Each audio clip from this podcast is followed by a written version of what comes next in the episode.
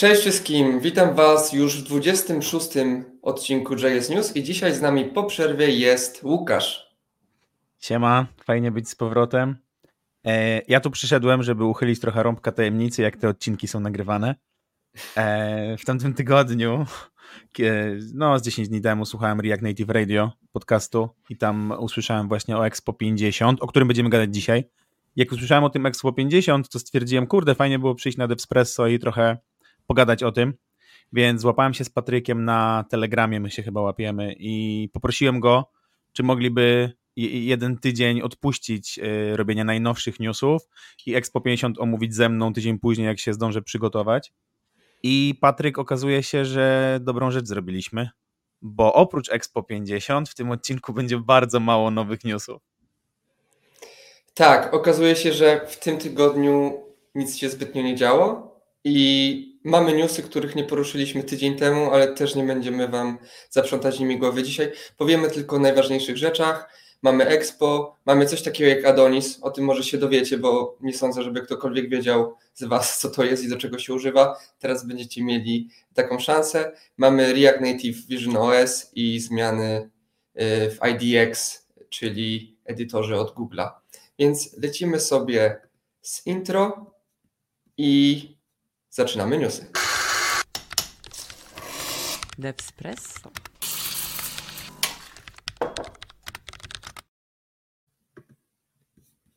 Dobra, to co, chyba ja zacznę od tego Expo. E, tak jak już mówiłem wcześniej, to wyszło ze dwa tygodnie temu, około. E, to Expo SDK 50 i to jest naprawdę dużo zmieniająca wersja. Oni tam zmienili kilka rzeczy w Expo itself, ale zmienili też coś w Expo routerze. E, popowiadajmy sobie o tym, ale jeszcze zanim to, to powiem, że wypuścili to właśnie jakieś dwa tygodnie temu, a jutro, czyli w środę, w środę o 19 naszego polskiego czasu będzie livestream na, na YouTubie, gdzie będzie można właśnie posłuchać dużo więcej o tym release e, bezpośrednio od ludzi z Expo. No dobra, to co tam się zmienia? Wchodzi Expo Router 3.0. E, Expo Router to jest lipka do nawigacji, która działa z Expo mobilnym i z Expo webowym, która pozwala na nawigowanie po kodzie e, według struktury folderów. Czyli dokładnie to samo, co mamy w Next.jsie na przykład albo, albo w Remixie. I do tej pory trochę tego nie rozumiałem. Jak tak można w ogóle? Po co to? Z czym to się je? Natomiast z tym releasem trochę zrozumiałem, po co to jest i z czym to się je. I drodzy panowie, drogie panie, Expo chce być full stack frameworkiem. I wydaje mi się, że jest na bardzo dobrej drodze, żeby stać się takim full stack frameworkiem dla uniwersalnych apek, bo Next.js i Remix, które proponują ten sam e, routing, podobne rzeczy, no one nie mają mobilnej alternatywy do swojego weba. Natomiast Expo, które wzięło się z React Native'a, z mobilek, bardzo idzie w stronę dobrej kompatybilności z webem. Y, powoli, ale idzie w tą stronę. Zaraz powiem, czemu tak myślę. I teraz dodało do tego wszystkiego full stack. Czyli dodało do tego wszystkiego API routesy. No ja się tym bawiłem przez weekend. Mm, lekko. Stworzyłem swojego pierwszego API routesa i jest dla mnie niesamowite, jak inicjując swój, swój projekt Expo w minutę i pisząc swojego API routa w kolejną minutę, mogę mieć swój kod React Native'owy z jednej strony w jednym pliku, obok niego w drugim pliku mogę mieć swój backend, który działa od tak w moim developmencie, a żeby działał w produkcji, no to muszę gdzieś ten, gdzieś po prostu ten Expo router zdeployować na prawdziwy serwer. No i to jest dla mnie, no nie wiem, niesamowite. E, nie wiem, jak inaczej to nazwać. Do tej pory, jak chciałeś mieć swój backend y, z apką React Native'ową, do apki React Native'owej, no to robisz sobie albo jakiś custom backend, albo korzystasz z takich typowo mobilnych rozwiązań do Firebase'a, jakieś tego typu rzeczy. A tutaj nagle dostajesz pełną dowolność pełną kustomizowalność tego, co chcesz robić i masz backend i React Native w tej samej, w tym samym repo. Dla mnie wow, nie? Dla mnie to jest niesamowite, dla mnie to jest huge i, i gratulacje Expo. E, Next.js idzie do nas od strony webowej i gdzieś tam zagarnia duże kawałki tego tortu. Expo przyszło do nas od strony mobilnej i zrobiło dwa duże kroki naprawdę w kierunku tych uniwersalnych apek. Jeden, krok rok temu z tym Expo routerem, a teraz drugi krok z Expo routerem 3.0, e, czyli z, tymi, z tym API-em. Więc tak, to to jest pierwsza rzecz, którą bardzo chciałem się podzielić. E, po to tu przyszedłem. Druga rzecz, którą mogę powiedzieć o Expo Router. Może chcesz coś dodać? Nie wiem, może masz jakieś przemyślenie co do, co do tego mojego e, rantu teraz. Znaczy, tak, pierwsze jest to, że mm, jakby widzimy w ogóle, powiedzmy w ekosystemie React Native od jakiegoś czasu jakby kroki w kierunku tych uniwersalnych apek. Jakby tutaj widzimy Expo i Expo Router, mamy od Mety tą ostatnią bibliotekę do stylowania, która też jakby stara się łączyć przeglądarkę i native'a. Mamy inne rzeczy, które są już istniały tam, mm, jak Solito, jest dużo takich bibliotek, chyba Tamagu jeszcze jest do stylowania. Jakby widzimy, że wszystko idzie w tym kierunku.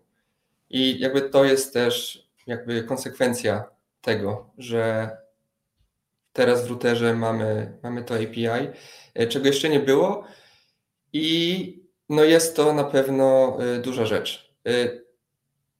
Ja tylko jeszcze mam taką jedną ciekawostkę odnośnie samego routingu, jakby tej biblioteki, mianowicie mm, ona jest na, zbudowana na podstawie React Navigation, z tego co, mhm. z tego co wiem. Tak. Więc tak, więc tam sobie można to kustomizować i nie musicie używać Firebase routingu, tam można się przełączyć, więc dla, dla każdego coś dobrego. Dobra, przekazuję Tak, wydaje dalej. mi się, że można ręcznie mm, po prostu znawigować i tyle, jako, tak jak w starym systemie.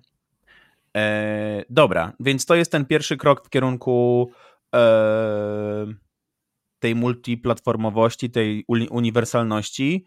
Jedna rzecz, którą, której dalej brakuje, ale krok w tą stronę jest dobry, no to w Metro, y, czyli w, mm, w serwerze do, jak to się mówi, w bundlerze do, no. do weba, w Metro webowym nie ma tree shakingu. I to jest ogromna przeszkoda do deployowania apek webowych używając Metro, bo cokolwiek znajdzie się w twojej paczce, no to bundler sobie nie, nie wyrzuci tego z paczki i to wszystko po prostu zaserwujesz swoim użytkownikom przez weba. W, w mobilkach to nie jest aż taki duży problem, no ale na webie tree shaking no to jest to nie jest nic nowego i to jest mega potrzebne. No i tego jeszcze nie ma w Metro. Natomiast to, co Expo w najnowszym swoim wydaniu 50 Expo Router 3.0 robi, e, to robi bundle splitting, czyli trochę pomaga e, gdzieś tam zmitygować ten, tą niedostępność tree shakingu przez to, że gdzieś tam splituje twojego bundla per ruta. Um, więc tak jakby szybciej działa strona, mniej pobiera, y, mniej, mniej, mniej serwuje JavaScriptu do klientów i to działa tylko na webie. To, to jeszcze nie działa na, na mobilce, no bo po co? Natomiast będzie działać na mobilce, jak uwaga, na mobilce będą już działały e, React Server komponenty, co zresztą ogłasza Expo, że będą działały razem z Expo, e, razem z Expo routerem. Więc ten roadmap cały w przód dla Expo staje się coraz bardziej klarowny i jasny. Te uniwersalne apki e, i Expo router to myślę będzie coś, co no co zagraża trochę Nextowi, nie? No bo jeśli web nie jest twoim pierwszym targetem, jeśli mobile jest twoim pierwszym targetem, a web jest takim, ok, nice to have, no to dostajesz go praktycznie za darmo i praktycznie za darmo on staje się coraz, coraz lepszy, ten web. Więc bardzo spoko. E, dobra, oprócz tego w Exporauterze 3.0 są jakieś mniejsze rzeczy typu e, testowanie z testing library, e, jakieś speed improvementy, i jakieś propy do linka. Ale to jakoś jest mniej już istotne niż, niż te dwie duże rzeczy, o których powiedziałem. Tak, no i jakby sama, sama biblioteka, prawda, ona miała już release y, no, jakiś czas temu, to jakby to nie jest nowość, że coś takiego jak Expo Router istnieje, ale Expo Router chyba jest też taką pierwszą, szerzej teraz rozpoznawalną biblioteką w ogóle do file-based y, routingu, prawda? Ja wcześniej się nie spotkałem zbytnio, było właśnie to React Navigation wspomniane, gdzie wszystko się robi ręcznie, prawda? Są tego zwolennicy i przeciwnicy, ale to jest jakby osobna dyskusja. A tutaj mamy takie jakby narzędzie, powiedzmy, z prawdziwego zdarzenia, y, które bardzo dobrze działa, które ma dużo feature'ów i no nie ma nic takiego innego, żeby, żeby używać y, w, po stronie mobilnej, prawda? No tak, tak. Yy, dobra, to co? Przechodząc, my dalej jesteśmy w Expo, tak jak mówiłem, to jest duży release. Przechodząc z Expo routera 3.0, a, sorry, dopowiem jeszcze. API routy, one będą w becie cały czas. To jest subject to change i one będą w becie i chyba mówią w dokumentacji, że będą w becie przez całą 3.0 release, że oni będą teraz dopracowywać to, jak to działa i jakie tak naprawdę tam będzie API. Przechodzę do e, innych update'ów z SDK 50 Sorka, zeskroluję sobie trochę moje notatki. Znaczy, kolejną rzeczą, o której możemy powiedzieć, chyba to jest, y, idąc po kolei, to jest, są poprawki do DevToolsów i do pluginów. Może od tego zacznijmy. Dobra, wiesz co? Tak, tak, to jest ciekawa rzecz, ale to jest ciekawa rzecz dla twórców libek i potem pewnie dla użytkowników tych libek. Eee, można napisać swój własny plugin do Expo DevToolsów, który w przeglądarce odpali jakieś customowe DevToolsy per biblioteka.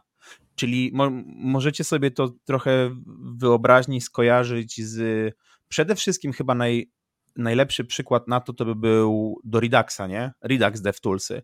Redux DevToolsy to jest coś, co już kilka lat temu pozwalało właśnie na podglądanie stanu stora, na jakieś dispatchowanie akcji, na time traveling, no to to jest tak jakby przykład fajnego e, DevToola per lipka. Ja miałem coś takiego do Mobixa, takiego samego do Mobixa kiedyś używałem. E, no i teraz e, Expo tak jakby otwiera swoje DevToole dla mm, twórców pluginów do libek, więc myślę, że mega opcja. Znaczy też wiesz, dla twórców to jest jedna sprawa, ale taki zwykły deweloper też jakby dużo na tym skorzysta, prawda? Bo jakby każda biblioteka na webie teraz ma praktycznie jakieś tam rozszerzenie e, czy DevTool w przeglądarce i sobie możesz łatwo debugować na przykład request, na przykład w React Query sobie widzisz każdy request, jaki on ma mhm. state. Nie wiem, teraz tu był przykład React Navigation, że sobie możesz wyprintować cały stack, jaki masz historię. Tak? Jest to troszkę łatwiejsze, wydaje mi się, właśnie przez e, te chromowe DevToolsy, niż gdzieś tam wiesz, w emulatorze, w Expo klikać, jak są tam ten inspektory i tak dalej. To było nieco trudne do używania i teraz wydaje mi się, że to troszkę polepszy taki developer experience przy tworzeniu apek. E, już mamy gotowe pluginy, będą pewnie się pojawiały jeszcze nowsze i, i to jest całkiem fajna sprawa. Tak, tym bardziej, że wiesz co, e, teraz akurat w React Native, chyba w kolejnej wersji, a może już w tej, kurde, sorka, nie pamiętam, ale mm, nie będzie defaultowo dodawany flipper, nie? Tak, tak flipper, tak, tak, czyli ten combine do, do debuggingu, do właśnie pełen pluginów i tak dalej, on nie będzie dodawany domyślnie, więc myślę, że to może być fajniejszą alternatywą i trochę prostszą alternatywą do, do tak jak mówisz, do debugowania y, lipka by lipka jakoś tak głębiej. Dobra, e, Dobra. słuchaj, lecąc dalej, mhm. lecąc dalej przez changelog na, na blog postie od Expo. Potem piszą o poprawionych SQLite and y, Camera APIs. Nie mówmy dużo o tym, poprawili jakieś lipki, spoko. Kolejna rzecz jest za to bardzo fajna i o tym chcę chwilę pogadać, to jest Expo Fingerprint. Expo Finger, Fingerprint polega na tym, że tak jakby apka będzie, ojej, powiem trochę pewnie źle, ale powiem, podpisana jakimś hashem i dzięki temu będzie można weryfikować, czy natywna wydmuszka aplikacji jest zgodna z JS Bundlem. Czy aplikację trzeba wypuścić znowu przez sklep jako kolejną wersję, bo zmienił się plik natywny, czy można po prostu zdownloadować po prostu bundle JavaScriptowy i aplikacja natywna może być nieupdate'owana przez, nie wiem, rok na przykład, a ty update'ujesz tylko wersję JS-ową. E, trochę over the air, tak jakby, nie?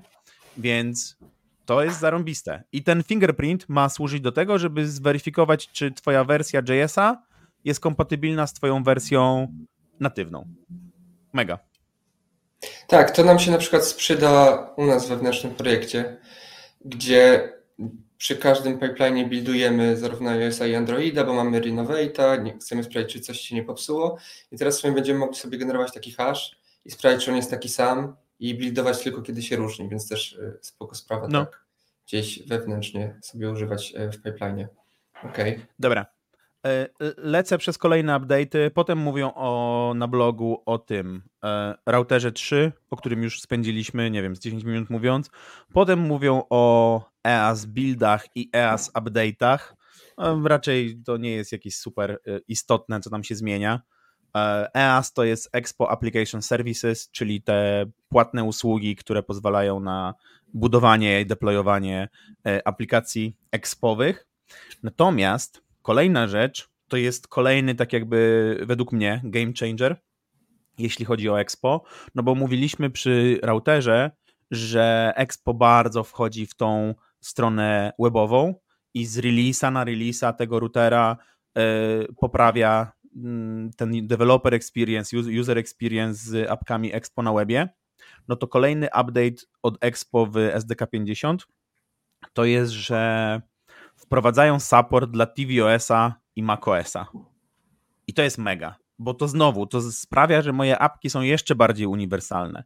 E, ja tak się składa, że akurat pracuję w projekcie, w którym korzystam, który jest aplikacją tvOS-ową um, dla TV-ków i ta paczka React Native tvOS to jest paczka, która rozszerza React Native'a o, o funkcjonalności, które są potrzebne, żeby aplikacja mogła dobrze działać na właśnie Android TV, na Fire TV, na Apple TV i e, Expo niedawno w sumie, kurde, nie wiem, z pół roku temu, rok temu, zatrudniło głównego twórcę tej paczki, głównego maintainera tej paczki, e, Daga Laudera i teraz Dag pracuje w Expo i spodziewałem się tego kroku. Spodziewałem się tego kroku, że niedługo właśnie Expo będzie wspierać TVki, przez to, że, że wiedziałem, że Dag przeszedł do Expo, no i od tego release'a wspiera TVki.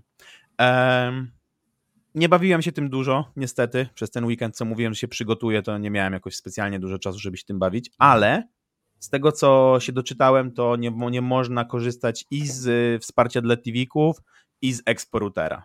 To jest coś, co mi gdzieś tam przemknęło przed oczami, więc ta wizja jeszcze do końca nie jest gdzieś tam spójna, jeszcze się nie zazębia aż tak bardzo, natomiast sieć jest zarzucona bardzo szeroko przez Expo. Z jednej strony mamy macOSa, tvOSa, z drugiej strony mamy web, z trzeciej strony mamy API, które możemy nagle tworzyć w Expo. Mi się bardzo podoba. Eee... Jeszcze spoko sprawą jest to, że jest zarówno wsparcie jakby w bibliotekach, które Expo posiada, tak? To Expo Application i tak dalej, i tak dalej, e, ale też są Expo Modulesy, które pozwalają na tworzenie natywnych mm, paczek, pisanie natywnego kodu. I to też ma wsparcie teraz na macOSa i tvOSa, więc te dwie mhm. rzeczy mega spoko. Eee, dobra, to wydaje mi się, że z większych rzeczy omówiliśmy wszystko, jeśli chodzi o całe to Expo. Nie wiem, ile nam to zajęło, z 15 minut co najmniej. No ale tego się spodziewałem właśnie, nie? Po to chciałem przyjść do odcinka, e, żeby pogadać właśnie o Expo. Expo staje się już tak e, bottom line Expo staje się naprawdę uniwersalnym frameworkiem do tworzenia API, do tworzenia uniwersalnych apek e, i ja się strasznie jaram i jak jeszcze, nie wiem, dwa lata temu Expo nie miało mm, tak dużej grupy zwolenników może wśród takich hardkorowych React Native'owców, to teraz jak rozmawiam z ludźmi, rozmawiam z klientami, rozmawiam z ekspertami od siebie z firmy, to, to wszyscy mówią, że tak, no powinieneś, prawdopodobnie powinieneś korzystać z Expo, nie? jest coś takiego. Ja pamiętam też, my chyba zaczynaliśmy taką jedną mapkę kilka lat temu pisać i Expo było właśnie, wtedy był ten podział, tak? Expo albo nie Expo. A teraz to wszystko się zaciera jakby, więc też, też fajnie. Ja myślę, że mm. można to porównać trochę do Reacta i Nexta, nie? Że pamiętam projekty, w których byłem, w których korzystaliśmy z Reacta i server-side rendering i cała ta otoczka full stackowa była pisana od zera customowo e, w różnych narzędziach. No teraz, jak wejdziesz na stronę Reacta, no to React mówi, nie powinieneś korzystać z Reacta jako takiego, powinieneś korzystać z frameworka i tu są dwa. Tu jest Next i tu jest, i tu jest e, Remix. Po prostu skorzystaj z któregoś z nich i tyle. Dobra, mm, myślę, że na tym możemy zakończyć e, sobie Expo i przejdziemy teraz do kolejnej rzeczy, e, mianowicie do Adonis.js wersja szósta.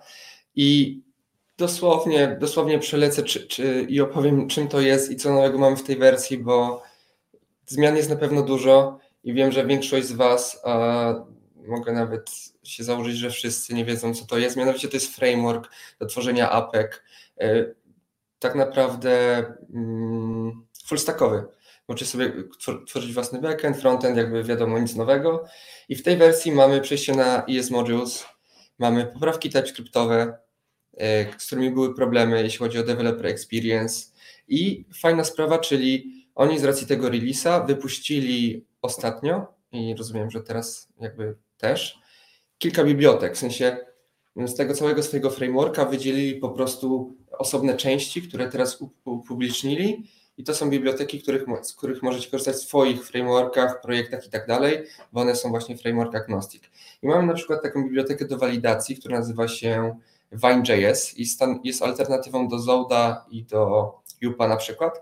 Jest znacznie mhm. szybsza, ale wiadomo, to nie jest, nie ma niczego za darmo, prawda? W sensie jest szybsza, ale ma mm, ograniczone funkcjonalności. Jakby tylko tam można na przykład walidować requesty w tym momencie, prawda? Więc spoko rzecz, jeśli ktoś potrzebuje akurat tej rzeczy do tego use case'a, do pewnie innych już, już wypada używać czegoś innego. Mamy tam bibliotekę do testowania, do jakichś template engine'ów dla Node'a, to już są bardziej powiedzmy zaawansowane use case'y, e, ale jest ich kilka, więc zainteresowanych wysyłam e, do, do release'ów, e, do release notesów. Mamy poprawy w dokumentacji i z taką, no i w sumie w zasadzie to wszystko. Jakby tak tylko w ramach ciekawostki. Może akurat ktoś się zastanawiał, chociaż wątpię, że ktoś się zdecyduje na Donisa, szczerze mówiąc. Ale e, jeśli ktoś e, nie jest zwolennikiem, powiedzmy, tych e, najbardziej popularnych frameworków i szuka jakiejś alternatywy, to tutaj e, taki kandydat się pojawił. I myślę, że możemy przejść e, do kolejnego newsa. I co nam... Wiesz co, z tym Adonisem, nie będę gadał o Adonisie, tak po prostu. Um, chciałem powiedzieć, że ja dlatego lubię udzielać się w Devspresso i lubię słuchać Devspresso, bo nawet jeśli nigdy nie użyję Adonisa w życiu, co jest bardzo, bardzo prawdopodobne, że nigdy nie użyję Adonisa V6 w życiu, to przynajmniej wiem, że coś takiego jest, wiem, że są alternatywy i jak spojrzę na jakąś stronę dokumentacji, gdzieś ktoś mi mignie przed oczami, to to fajnie wiedzieć, że to istnieje. I potem jak wejdziesz na ich stronkę um, GitHubową, no to oni mają dużo sponsorów, dużo użytkowników i tak dalej, więc e, dużo gwiazdek, więc no ktoś tego używa, nie? Możesz się znaleźć, że kiedyś zatrudnisz się w firmie, która jednak gdzieś ma Adonisa pod spodem, coś z niego korzysta, więc e, trzeba mieć otwarty umysł, nie? Dobra, to ale teraz zrobię bridge'a. Skoro trzeba mieć otwarty umysł, to może wiecie o tym, że Apple wypuszcza swój set VR-owy. On będzie się nazywał, ojej, e, Apple Vision Pro. To chyba do klientów trafia już niedługo w lutym. Tak się składa, że mój kolega z Kolstaka, którego serdecznie pozdrawiam, Oskar Kwaśniewski, e, przez ostatnie, nie wiem, dwa czy trzy miesiące, może więcej, nie wiem, Oskar, ile nad tym pracowałeś, portował React Native'a dla tej platformy.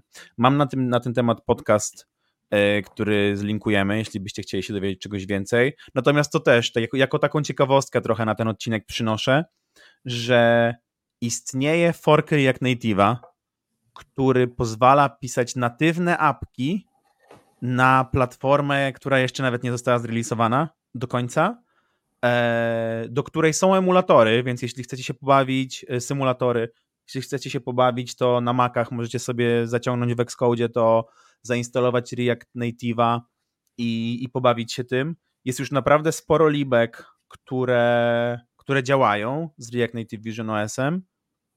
No i nie wiem, zapraszam serdecznie, żebyście się pobawili tym, bo znowu to otwiera coś. Zastanawiam się, kiedy Expo będzie to wspierać. To znowu otwiera ten koncept uniwersalnych apek, które działają wszędzie i gdzie piszesz taki unified codebase, który rzeczywiście 75% kodu ma wspólnego i potem piszesz tylko jakieś addony per platform. To jest bardzo ciekawe. Eee, sprawdźcie React Native Vision OS. Pozdrawiam serdecznie Oskara. Oskar bardzo dużo tam pracy włożył i jest bardzo, bardzo e, utalentowanym deweloperem.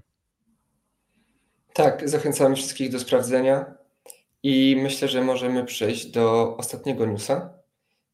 To jest tak naprawdę przypomnienie czegoś, o czym mówiliśmy chyba w trzecim odcinku tego sezonu, nazwijmy to sezonu, czyli e, IDX, e, już nie nowe ID od Google'a przeglądarkowe i w tym momencie dostajemy jakiś tam update od nich, jakby mówią nam, co się nowego wydarzyło i jak to teraz wygląda. I na przykład mamy mm, możliwość otwierania symulatorów i emulatorów w przeglądarce.